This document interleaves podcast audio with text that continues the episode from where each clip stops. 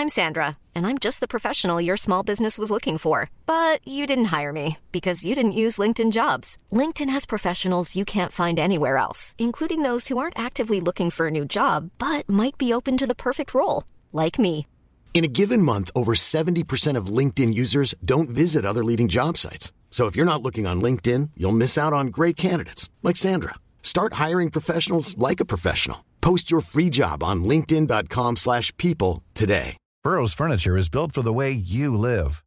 From ensuring easy assembly and disassembly to honoring highly requested new colors for their award-winning seating, they always have their customers in mind. Their modular seating is made out of durable materials to last and grow with you. And with Burrow, you always get fast, free shipping. Get up to 60% off during Burrow's Memorial Day sale at burrow.com slash ACAST. That's burrow.com slash ACAST. burrow.com slash ACAST. 96 000 kontrakter per dag omsettes det i Vixen. Jeg vet ikke hva det betyr. Det hørtes ikke så mye ut. 96 000 kontrakter. Ja, er Kontrakter per dag? Jo, det er Hvor mye er en kontrakt? men, eh, men enda in mer interessant er at det er nå 3,7 milliarder dollar i produkter på Vixen. Og nå som vi er på rekordlave nivåer, så er det også rekordshort. Da gjør vi det her som en sånn intro, sånn, uh, som spiller før introen. Velkommen til Tid er penger, en podkast med Peter Warren. Jeg er produsent Sverre, og podkasten er laga i samarbeid med IG Markets. IG Markets er en tilbyder av finansprodukter, og du kan trade stort sett hva du vil på jorda. Blant annet VIX, eller VIX-relaterte produkter, som er dagens tema.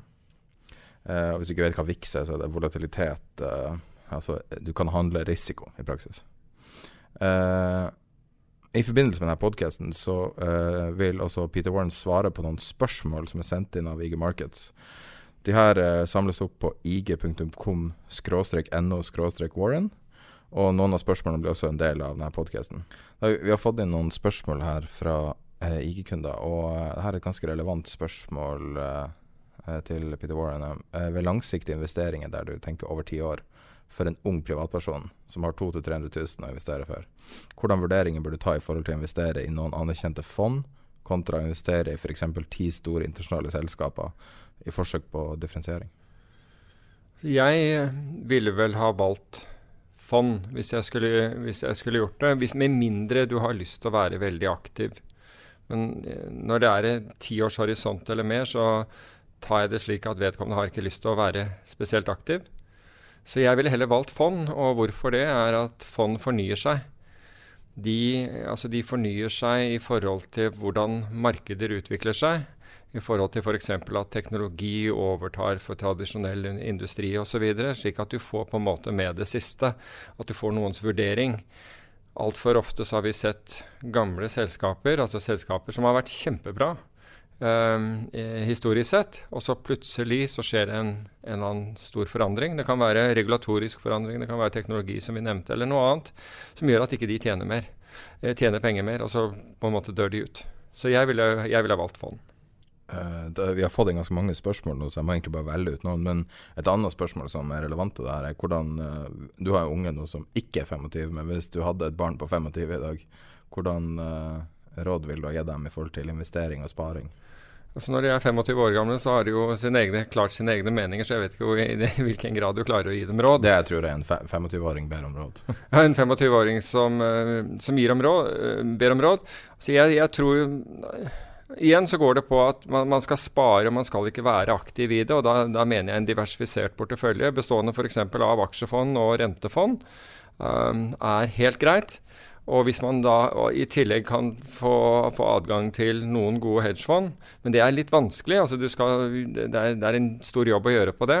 Men for enkelhets skyld så ville jeg vært aksjefond og, og, og rentefond. Og hvis den tidshorisonten til vedkommende f.eks. Er, er 20 år, da, for å, for å si det sånn, så, så kan man nok ha en god porsjon aksjer i, i den. altså Med andre ord kanskje 60-70-80% aksjer.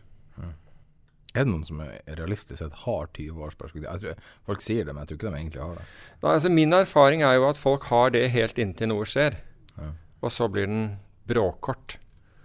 Um, og jeg, min erfaring er også at folk uh, håndterer omtrent en tredjedel av den risikoen de tror de kan håndtere når sola skinner og alt er bra. For da sier de at 20 fall på, på porteføljen min. Det, det, da blir jeg ikke nervøs engang. Det, det går helt fint hvis, hvis den gjør det. Men min erfaring har vært at, at uh, faller en tredjedel av det, så begynner de å tenke seg om og begynner å, å ringe, og, og, frykten setter inn. Så, um, men, men, det er noen som klarer å, å, å, bare sitte der, sitte rolig i båten og gjøre det de skal. Og de gjør det som regel veldig godt over tid. Nå har vi en ganske grei glidende overgang mellom da det spørsmålet fra en kunde og dagens tema. Og det et tema som du spesifikt ville snakke om, du ville snakke om lenge, og mye. og det er volatilitetsskvisen vi opplever nå, eh, og muligheten for å tjene penger på trade ting relatert til viksen. Ja, vi, jeg kan bare si hva jeg ser på skjermen her. Ja. Viksen er i 10,09 nå. Ja. Laveste på 52 uker lå er 9,37. Ja. Eh, du kan forklare hva det betyr. Og, altså det, basically, Vi er på det laveste nivået noensinne, men hva betyr viksen? Altså, for det første, viks, eh, og, og, det er sikkert ukjent for veldig mange, men det er, en, det er den reneste muligheten du har til å investere i frykt og grådighet. Den reneste formen for det. Fordi Vixen måler svingninger. og der, Vi har to typer av, av, svingninger i markedet. Altså Vix er en volatilitetsindeks. altså Den måler da hvor mye markedet svinger. Du har da historisk hvor mye markedet har svingt. Det kaller vi historisk volatilitet. Og så har du hvor mye markedet tror at det vil svinge fremover. Og så kan du si at jo større svingninger det er, det større muligheter er det for gevinst, men større muligheter er det også for tap. Men det vi har med viksen, er at folk ofte ser, på, ser på, på viksen og tror at den, den, måler egentlig det som foregår akkurat i øyeblikket, men det gjør den ikke. Den måler da fremtidig forventning. Og hvordan, hvordan henger de tingene sammen? Jo, for viksen tas fra opsjonsprising i USA. Prisene på aksjeopsjoner. Og der er volatilitet veldig viktig i, i en opsjonsprisingsmodell. For det mer enn aksje svinger, desto dyrere vil en opsjon være. Og det mindre aksjen svinger, desto billigere er, er opsjonen. Men viksen Viksen måler da forventningene til alle markedsaktører, den fremtidige forventningene. Men hva driver prisen? Driver opsjonsprisene viksen, eller driver viksen viksen? Nei, nå kan du si at nå drives altså Til å begynne med så drev Var det ren opsjon... Altså opsjonsprising vil alltid drive spot VIX-nivå, altså VIX-en som, som, du vil se på skjermen din, den vil være drevet av rene opsjonspriser. Så den er et derivat skal, altså, av, av opsjonspriser. Ren matematisk utregning. Men i de opsjonsprisene ligger det forventning. Men det som har skjedd, er da etter at altså Du kan si at VIX-en du nevnte at den er lav, og den er jo VIX-en i gjennomsnitt i år har ligget på, på, en tredjedel av hva den gjorde i, i 2008. Så, så, nå forventer markedet at dette skal være veldig lavt. At disse svingningene skal, skal være lave. Og, og, det er jo da Det er grenser for hvor lavt det kan bli. rett og slett Med mindre du får et fastkursregime hvor all, altså da, da, trenger du ikke børs. For da stopper jo på en måte Da, da, da stanser jo alt. Så er det, hvis du kjøper en aksje, så, er, så kan den i teorien stige ubegrenset. Det samme kan viksen slik at nedsiden på viksen er begrenset, fordi det vil alltid være noe svingninger i markedet. Og nå har vi de laveste svingningene vi har sett på, på mange, mange altså Historisk sett på, på, over alle år. Og det er fordi sentralbanker er inne og støtter markedene, aksjemarkedene, med milliarder av uh, hundrevis av milliarder av dollar hver eneste måned. Kan vi si da, altså hvis vi kan oversette bare VIX, VIXen måler jo, det måles jo en prosent. Så nå når den er på, nå, akkurat nå handles på 10-10. Det er 10,10 Men, ja. Men la kan du sette det i et annet la, la oss ta, ta, den på 16 Hvis den var 16 det er litt lettere å, Bare for, for, å gjøre tallene litt klarere. Vi kan også si 8, eh, La oss si 8 da. Det vil si at markedet svinger med mindre enn en halv prosent hver dag. Hvis den er på 8 hvis den er på 16% så vil det si en svingning på 1% per dag. Det er det, det er det, som er forventet av, av markedet. Så basically andre verdenskrig når man stenger børsene. Da er vi på det nivået? Ja, altså du kan si at nå er det, nå er det ingen frykt der, men, men altså, egentlig så er det jo ikke det. Fordi de aller fleste som nå selger VIX-indeksen, altså de vet egentlig ikke hva de gjør. Dette er produkter der i, i dag det er rekordstor andel, øh, andel av produkter som, som er, eh, som er eh, laget på denne VIX-indeksen. Den, den, er blitt så populær å handle at det er, det er helt rekord. Det er 3,7 milliarder dollar forbundet i produkter som handler VIX-en. Så folk handler da frykt og grådighet for 3,7 milliarder dollar. Men de aller fleste er short. Med andre ord men de, altså de tror på nedgang, eller de, de, er posisjonert for nedgang, men mange vet ikke engang om det, at de er det. Mange har kjøpt produkter hvor, eh, som de ikke forstår er short, og de de har kjøpt for eh, produktene av, hedger seg med å, å selge viksen. Men det er her som når AIG utsteder um, CDS-er CDS ja. før finanskrisa, ja. og de prøvde å tjene ja, det er akkurat dette her. Småpenger og tar helt sånn ubegripelig stor risiko. Ja, dette her er å, å, å prøve å, å, plukke mynter foran en uh, løpsk bulldoser, mm. egentlig. Nei, men det, jeg, jeg, klarer liksom ikke å skjønne hvordan rasjonelle mennesker kan gjøre det. Hvem er det som Er det, er det forvaltere som bare basically er helt skvisa og må gjøre noe? Nei, altså du kan si at det? som skjer i dag, er jo at avkastningen f.eks. Fra, fra renteinstrumenter er veldig lav. Alle Bankrentene er, er kjempelav, så hvis du har penger i banken, så får du ikke noe særlig ut av det. Hvis du kjøper obligasjoner, statsobligasjoner, så får du veldig lite ut av det.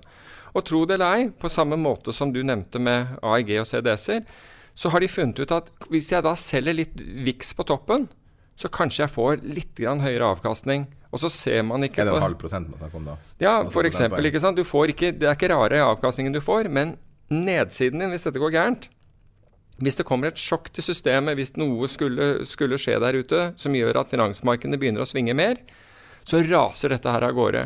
Eh, vi hadde en sending hvor vi snakket om, eh, om VIX tidligere i år, og jeg tror det var bare dager etter så gikk VIX-indeksen opp 45% på én dag. Men det er artig at du sier det, for det var den dagen du hadde skrevet en blogg og skulle publisere den. Mm. Som, som, folk som følger bloggen din. 17. mai, tror jeg det var. Ja, ja 17. mai, ja.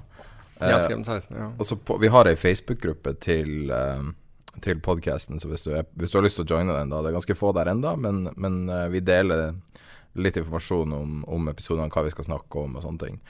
Og i dag eh, Facebook-gruppa heter Tid er penger, da, så du bare søker på det. Eh, og en av de tingene jeg delte i dag, var Jeg tok bare på Yahoo Finance, bare dro eh, hele skalaen, hele VIX-indeksen bak til før 90-tallet, eller 1.1.1990, tror jeg. Og det du ser, er at du har eh, komprimerende perioder, og så har du eksploderende eh, blowout, eh, som da kommer sånn more or less hvert tiende år, da. Mm.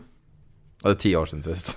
ja, altså, og, og, det, og, det, er jo veldig mange som har altså Det som er problemet, er det samme som vi ser i aksjemarkedet. Folk selger når det er billig, og så kjøper inn når det er dyrt. Og det samme gjør de i Vixen. ikke sant? Altså I forrige uke så var det vi kaller ikke-profesjonelle investorer, det som ofte kalles turister i volatilitetsmarkedet, de shortet Vixen for 98 millioner dollar til.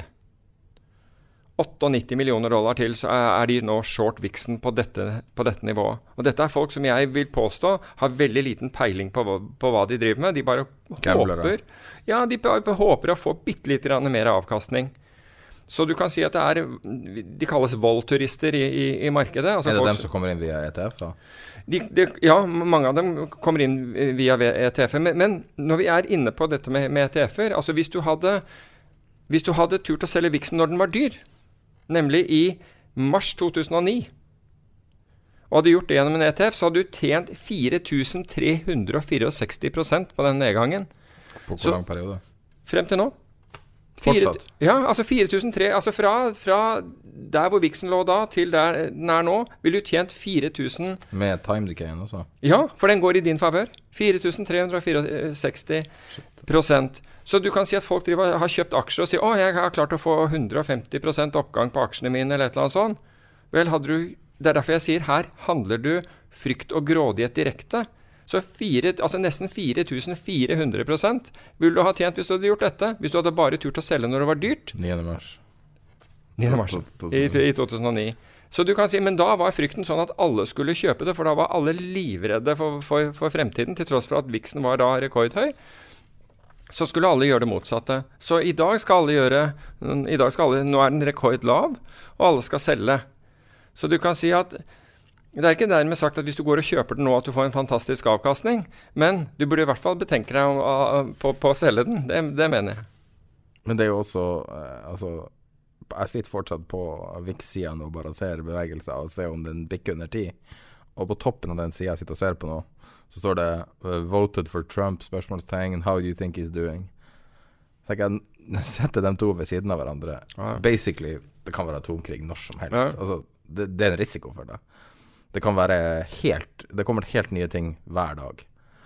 Det er ingen tegn i aksjemarkedet eller obligasjonsmarkedet på Eller kanskje mer i obligasjoner, men i hvert fall ingenting i aksjemarkedet på at, uh, at uh, det er noe risiko å spore? Nei, altså det, det, er jo ingen frykt der. Men du kan si at hadde det vært noe frykt der, så hadde den ikke vært så billig heller. Men, men når, når, du sier aksjemarkedet, så snakker vi nå om de store amerikanske selskapene som Vixen er gjelder. ikke sant, SMP um, 500 selskapene. Men i Nasdaq, som er teknologien, hvor de har akkurat hatt en, en korreksjon, der gikk volatilitet, eh, volatiliteten på, på Nasdaq-opsjoner den gikk til det høyeste nivået. På bare to dager så gikk den til det Hva høyeste nivået. Hva sier du? Hva heter det? Nei, her hadde man handlet direkte øh, opsjoner på, på selve Nasdaq-indeksen. Da gikk put-opsjoner på Nasdaq-indeksen til det høyeste nivået man hadde sett siden Lehman Brothers gikk konkurs. Og det, skjedde, liksom, det tok to dager. Så du kan si at du kan, altså, du, du kan tjene fryktelig mye på Seriøst? kort Seriøst? Ja. Det har jeg ikke hørt om. Ja, jo. Det finnes et produkt som heter uh, VXN for neste Kan det stemme? Ja da. Du har, du, du har, ja, du har, du har, altså du har utallige produkter på, på, eh, på, eh, på volatilitet nå.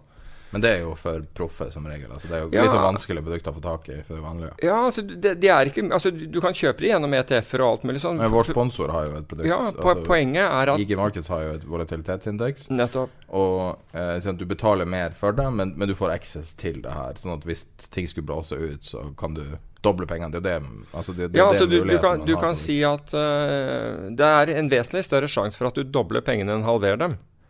Ja, når, når, ikke sant? Altså, så dette er, ikke, dette er jo altså Hvis du ser på fordelingen og hva mulig utfall er Men uh, det, det investorer må gjøre, altså, og det gjelder jo uansett om du kjøper en aksje eller hva enn du investerer i, det er at du må sette deg inn i det du investerer i, og forstå det. Men hva er det Vixen gjør? Jo, det er den enkleste måten Altså Folk mener jo at de, de Ta tekniske analytikere som sier at nei, de tolker øh, frykt og grådighet. De, de, er eksperter på det. Ja, da, burde, da er det faktisk viksen de burde handle. Ikke nødvendigvis aksjemarkedet, men viksen, For det er den reneste formen for å handle frykt og, og grådighet. Hvordan gjør man det? Hvordan man fysisk går frem for å handle det, tenker du på? Det er ikke så straight forward. Altså Kjøper du ETF f.eks.? Ja, altså, hvis, det, hvis det er en ETF, så, så, så er det et børsnotert fond. Så da der, kjøper du den bare? Ja, så, så, hvis du har tilgang til, eh, til eh, en handelsplattform for, for, aksjer, eh, og ikke den er veldig veldig snever, f.eks. og bare tilbyr Oslo Børs-produkter eller noe sånt, nå, så, så, vil du, så vil du helst sannsynligvis få tilgang til det. Så har du, så har du disse CFD-kontraktene. Du har future-markedet, som er det, det, er det underliggende markedet. Det er altså Det er ja, det er, ja, det er, det er proffmarkedet, future-markedet. Da må du åpne en, en futures-konto og ha en, ha en, en clearing-konto et sted for å kunne handle det. Men altså, eh, Men finnes, går finnes, du long short som du gjør med en aksjevaluta? Ja, ja. Ak akkurat samme måten. Du handler det på helt samme måten. Men du, handler, du har snakka om uh, andre måter du du vil trade på? Ja, så du kan si at jeg, jeg handler jo alt fra, fra, kurven på altså Jeg handler f.eks. frontmåned VIX, altså som er den VIX-en som forfaller nærmest, i forhold til den som forfaller om seks måneder. Så jeg handler liksom forholdene mellom de. Det kan være at jeg handler forholdene mellom VIX og og, og V-stokk, som er den tilsvarende indeksen på, på europeiske på den europeiske aksjeindeksen. Det er mange ting eh, du kan gjøre. Altså det, du kan være så sofistikert du vil, eller du kan være så enkel du vil. Så det er litt Men trader du det her sjøl nå i dag? Tar du noen posisjoner som er annet enn intradag?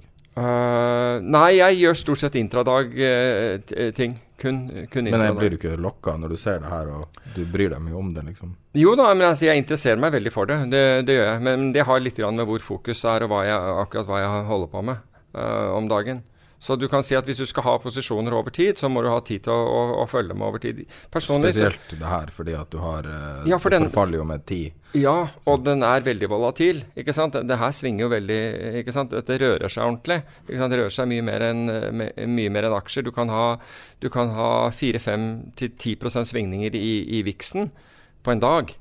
Så her bør du virkelig følge, følge, med.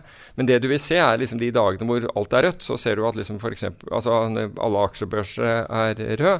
Så ser du gjerne at viksen kan være opp 10-12-15% Eller 45, som det var. Ja, eller 45 hvis det er en stor bevegelse så, og, og, frykten setter inn. Men det skal ikke mer til at du får en eller annen ordentlig dårlig nyhet der, der, ute. Og ikke spør meg hva den er, for den hadde jeg visst det, så hadde vi på en måte allerede planlagt for det. Men, eh, men at det kommer noe helt nå, og så drar dette her. Hva du tror som et? Nei, jeg, jeg, tror Det kan nok være Nei, sjelden, men det er en eller annen hendelse der ute som, som kommer til å måte vri dette her over. Et eller annet som vi har mer eller mindre oversett. Noen ganger så er det jo sånn Så er det jo som tankskip. Og, altså Finanskrisen var jo egentlig som et tankskip. Det var jo ikke noe som skjedde over natt. Altså Limen kom jo inn i dette, her, men det var jo ikke noe som skjedde over natt. Kredittmarkedene signaliserte at noe var galt i åtte måneder. Mens aksjemarkedet var i, var, var i full festrus og brød seg ikke om det. Men, men, men du, kan, du, kan, si at kredittmarkedene hadde jo på en måte signalisert dette såpass Tenk deg, du har obligasjoner og du har aksjer i de samme selskapene. Obligasjoner skal presumptivt være tryggere, for det er et gjeldsinstrument. Og de har en, de, de, i kapitalstrukturen til et selskap så er obligasjoner sikrere enn aksjer. Og så ser vi at, at kredittmarkedet, altså obligasjonsmarkedet, begynner å falle. Vi ser, vi ser kursene øh, begynne å rulle over. Og samtidig så fortsetter aksjemarkedet å gå opp som om den mer risikable delen av, øh, av markedet fortsetter å stige, mens den, den, forsiktige delen av markedet sier at vet du hva, her er det noe gærent. Og, men når noe går så lenge altså vi så, dette, vi så dette begynne å skje tidlig og begynte å interessere oss for det, og jeg skrev om det osv. Uh, men når dette skjer over, over, lang tid, så vil alltid noen rasjonalisere, komme og si ja, men det er sikkert noe, denne gangen er det annerledes. Og så til slutt så tror markedet at denne gangen er det annerledes, helt til det ikke var det. Ikke sant? Og det, blir jo, det er jo den der tegneseriefiguren som løper utfor stupet. ikke sant? Det, det går Roadrunner. bra. Roadrunner. Roadrunner går kjempebra så lenge jeg ikke ser ned, og så plutselig beep, beep, beep. Plutselig ser du ned, og så er, og, og så er fritt fall. Så hva det er som, som vil sette oss i gang neste gang men, men, det vil jo komme en neste gang en eller annen gang. Vi vet bare ikke når det er. Men øh, poenget er i hvert fall at hvis du, hvis du har short VIX på det tidspunktet, altså hvis du sitter da og, som, og er såkalt volatilitetsturist i VIX-en, du vet egentlig ikke at du er short, du bare vet at du har en eller annen posisjon der. Og megleren din har ikke helt fortalt deg hva det er, men du har tjent litt penger på det til nå så kommer du til å våkne med et smell. Altså. Eller ikke i det hele tatt. Litt avhengig av hvor, hvor stor posisjonen din var. Ja, det, det, det, er et sånn tricky tema, det her. Fordi at det er så utrolig attraktivt for en pessimist å snakke om viksen. Mm.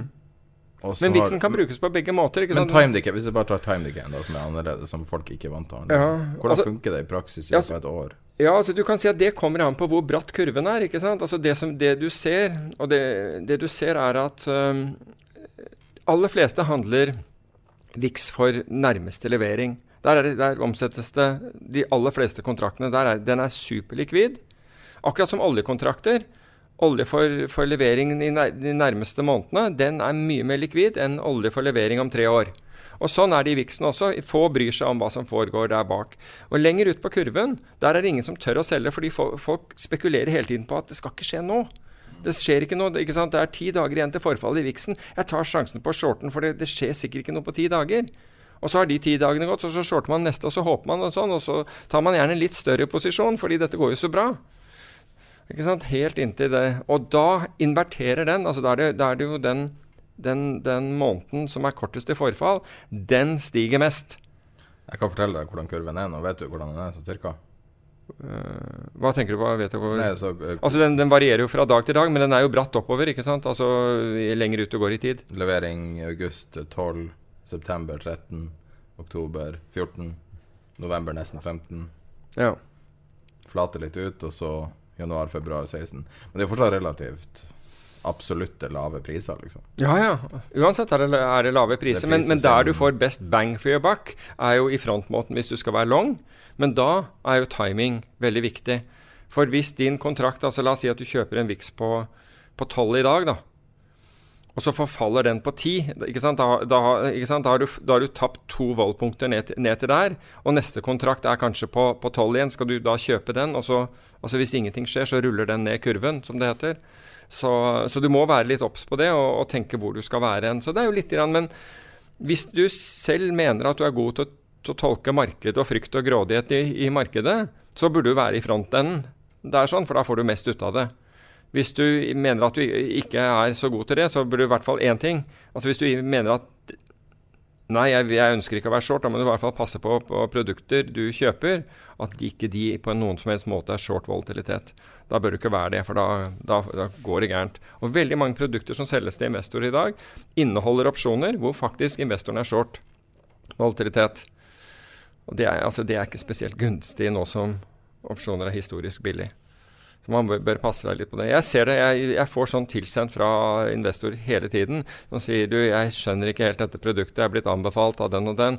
Eh, kan du fortelle meg hva dette går ut på?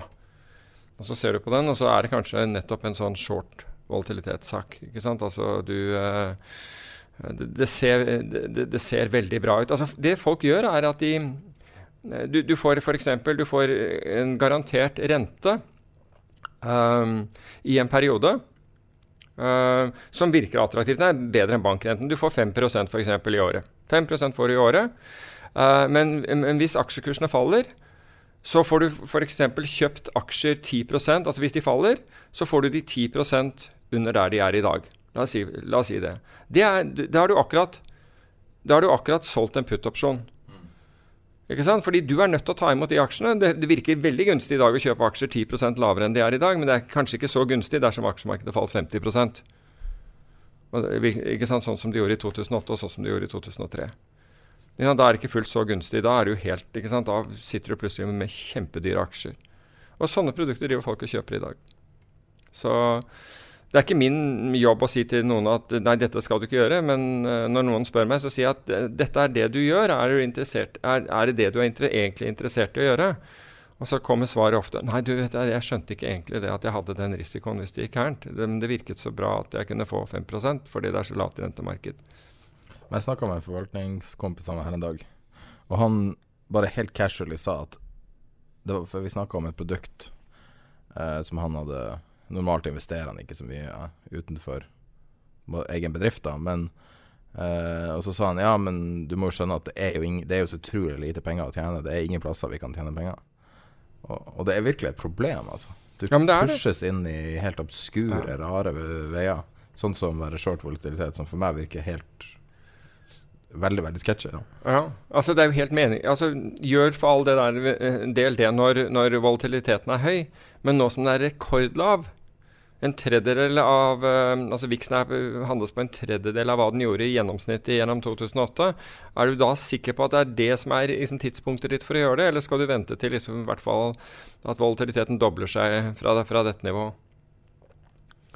Det er ikke sikkert at det er en god idé på det tidspunktet heller, men i, i det minste får du i hvert fall bedre betalt. Hvis vi går tilbake til det spørsmålet, kan jeg avslutte med starten? da? Spørsmålet fra han som skulle investere på hva var det, 20 års perspektiv eller 10 års perspektiv. Eh, å være long aksjer gjennom fond og være long volatilitet altså, på i det korte bildet. altså, du, du, kan si at uh, det som er i dag, det er at du kan, at du kan kjøpe deg Du kan kjøpe deg eh, Altså, siden opsjoner er billige, så kan du kjøpe deg nedsidebeskyttelse. Du kan f.eks.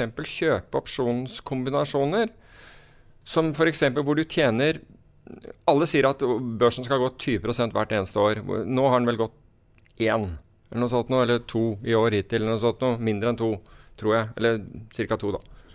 Springer alle. Men, men, poenget er at du, du kan f.eks. kjøpe deg f.eks. 20% oppside, altså hvor du har glede av hvis børsen stiger 20 så, så kan du si at ok, men over 20% det er jeg ikke så interessert i i året. altså Jeg tror ikke at det går over der.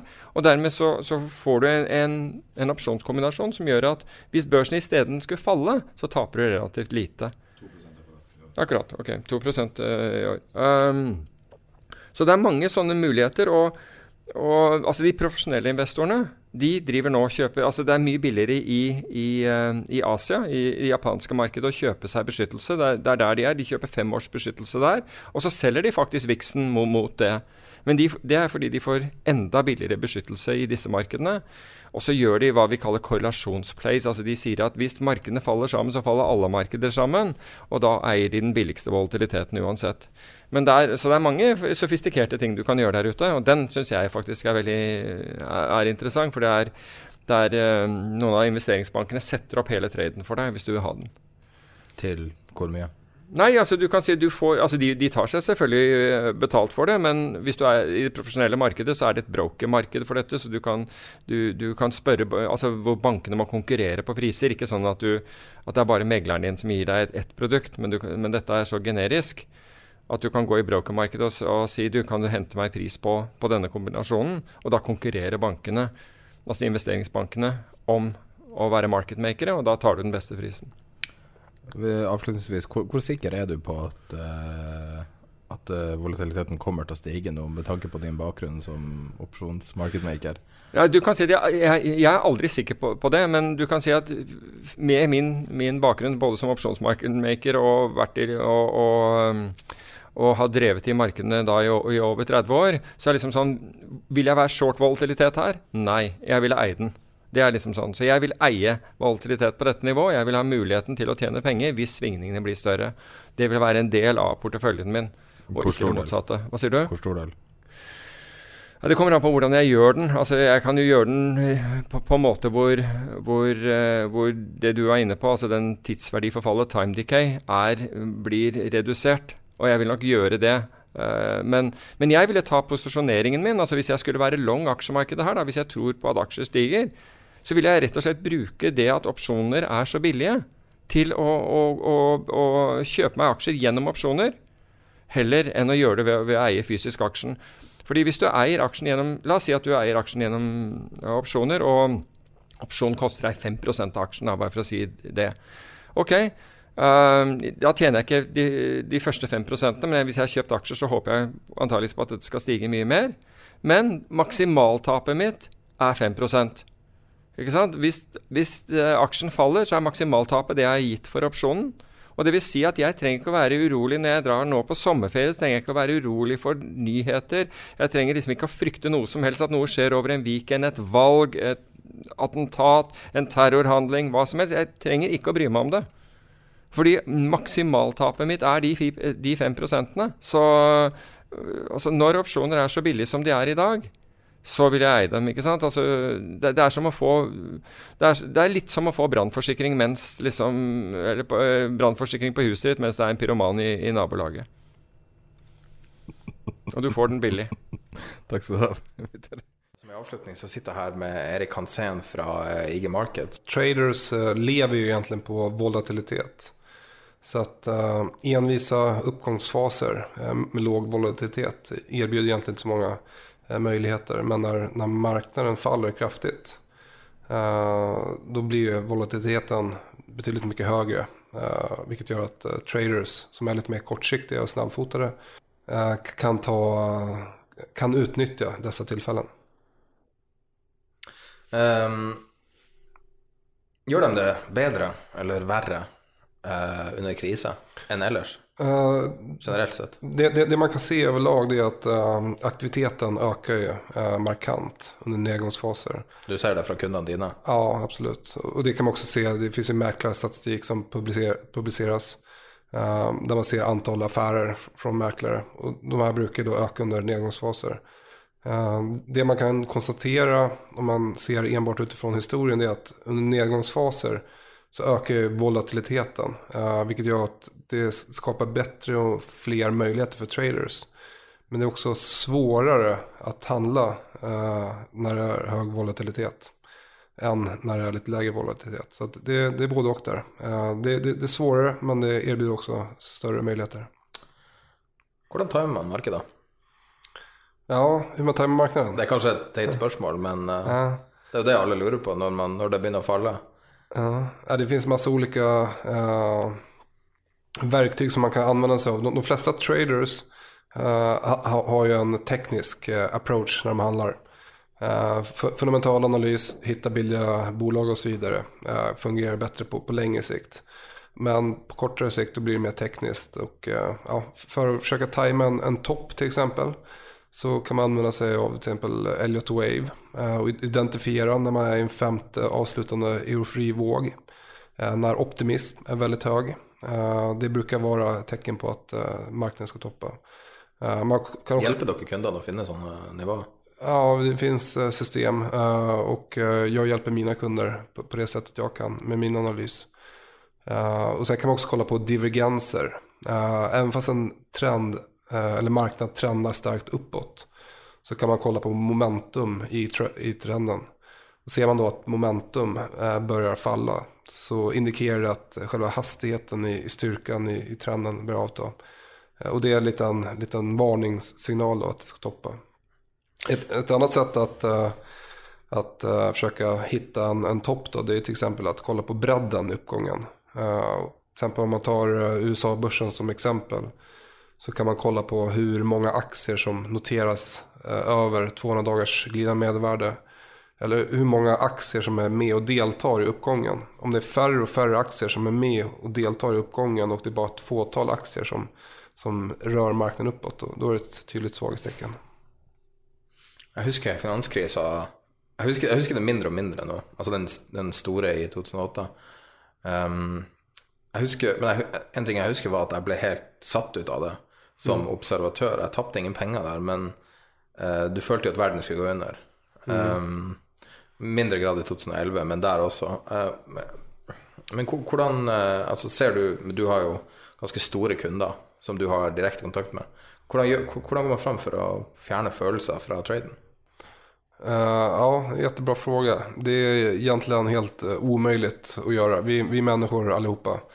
Uh, det enda sättet egentligen att eliminera känslorna helt och hållet det är ju att köra mekaniska algoritmiska system. Men handlar man diskretionärt som de flesta gör så, så är det oundvikligen att man påverkas av känslorna. Men menar du att folk borde handla maskinellt automatiskt? Eh, jag tycker en kombination. Eh, och sen måste man eh, lära känna sig själv. Vad man för styrkor och vad man för svagheter. Det är jättesvårt att svara på. Det är väldigt individuellt beroende på vad man för typ av person. Vissa personer är jättebra på att trada manuellt, diskretionärt. Medan vissa traders borde köra det mer mekaniskt. Men kolla på finanskrisen där, det vi tydligt, det tydligt såg. Det var ju att vi fick den här starka nedgången kraftigt. Sen då under slutet av själva eh, nedgångsfasen så såg vi att marknaden eh, började konsolidera röra sig sidledes. Och det är ett tydligt tecken på att eh, köpare och säljare börjar komma i balans. Och sen när vi bryter upp från så här bottenfas då, från den här konsolideringen. Som 9 mars 2000. Ja. Ja, exakt. När vi bryter upp där, då får vi en ordentlig köpsignal. Och det såg vi samma sak där efter IT-kraschen. Så att, uh...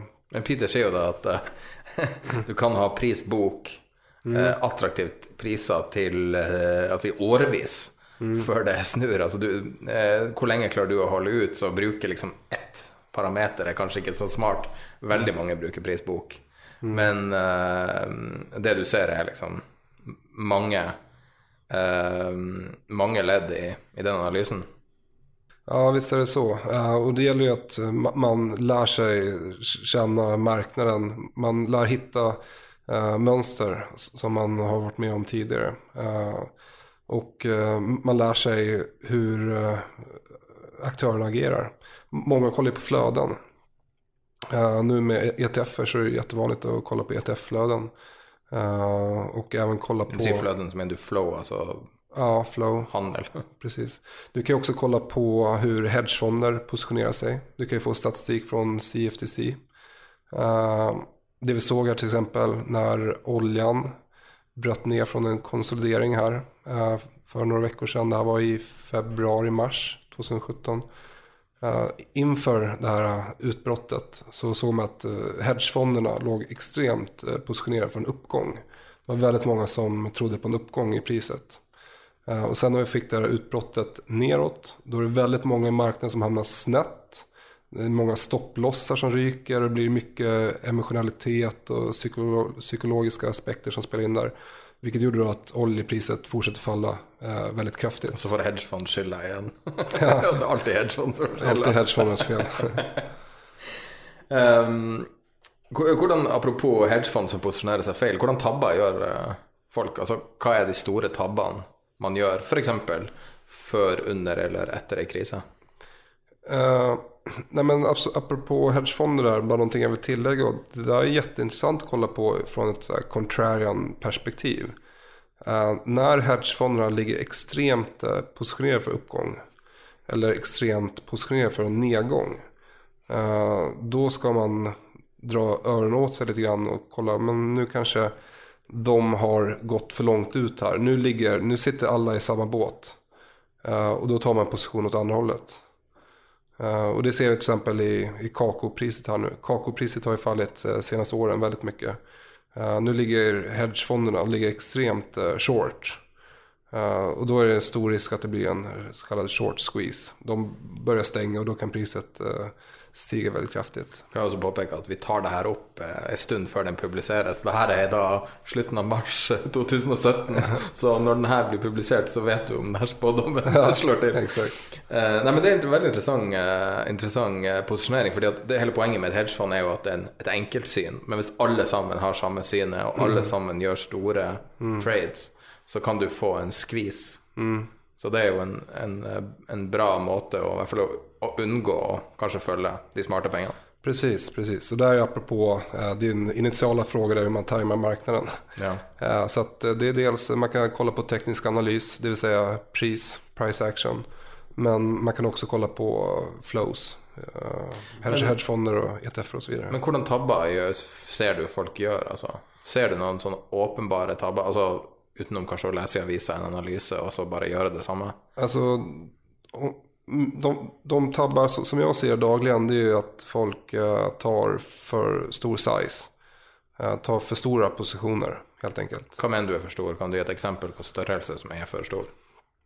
Nej, men om, om du köper ett uh, Germany 30-kontrakt, uh, tyska börsen DAX. Uh, du köper ett kontrakt, standardkontraktet, det är underliggande värde på 300 000 euro. Eh, för att köpa det kontraktet så reserverar vi ett, eh, en margin på 0,5 procent. Eh, det är 1000, det 1500 euro tror jag. Och det, 1500 euro er det enda du behøver på kontot. Mm. vilket gör att du kan ta en extremt stor position om du bara har 5000 kronor på kontot. Uh, vilket du inte ska göra, men du kan göra det. Mm. Uh, så att det är väldigt enkelt att ta för stora positioner. Så att uh, mitt tips det är ju såklart att man tar mindre size, längre avstånd till stopplossar och har lite mer pengar på kontot. Som gör att du kan vara med lite mer både på uppsidan och nedsidan när, när marknaden rör sig. Så att du inte blir utstoppad hela tiden. Så det är lite sån, gör det du, det du ikke bare fordi at noe er tilgjengelig, burde du ikke gjøre det. Precis. Og, og giring kan være magisk, men det kan også være forferdelig. Precis. Og eh, det er, vel, det er vel den nettopp årsaken til at mange folk har tapt penger på CFD, er at de bare ikke tenker. Absolutt. Og, og jeg synes det, alltid synes det var et fantastisk instrument, eh, og veldig mange av aktørene på markedet behandler det helt feil, og behandler mm. det som et bet. Et svært bet. Og da kan du jo tape alt. Og hvis det er et annet, altså flere selskaper som ikke closer deg mm. når du har gått i null, og da er det jo veldig negativt. så Precis, så är det. Så det man måste ha, det är, det är först en metodstrategi som har edge. Sen måste du ha en riskhantering, riskhantering eller money management. Sen så måste du ha en eh, lite inblickar i de psykologiska och mentala fallgroparna. Och sen ska du ha en handlingsplan som knyter ihop det här. Så att du kan skriva ner på ett papper. Eh, vilka marknader du ska handla, hur stor risk du ska ta. Ska du handla både short och long eh, och så vidare. Så att du har dina regler. Och så försöker du hela tiden se till så att du följer dina regler. Tack till eh, Erik Hansen från IG Markets. Tack.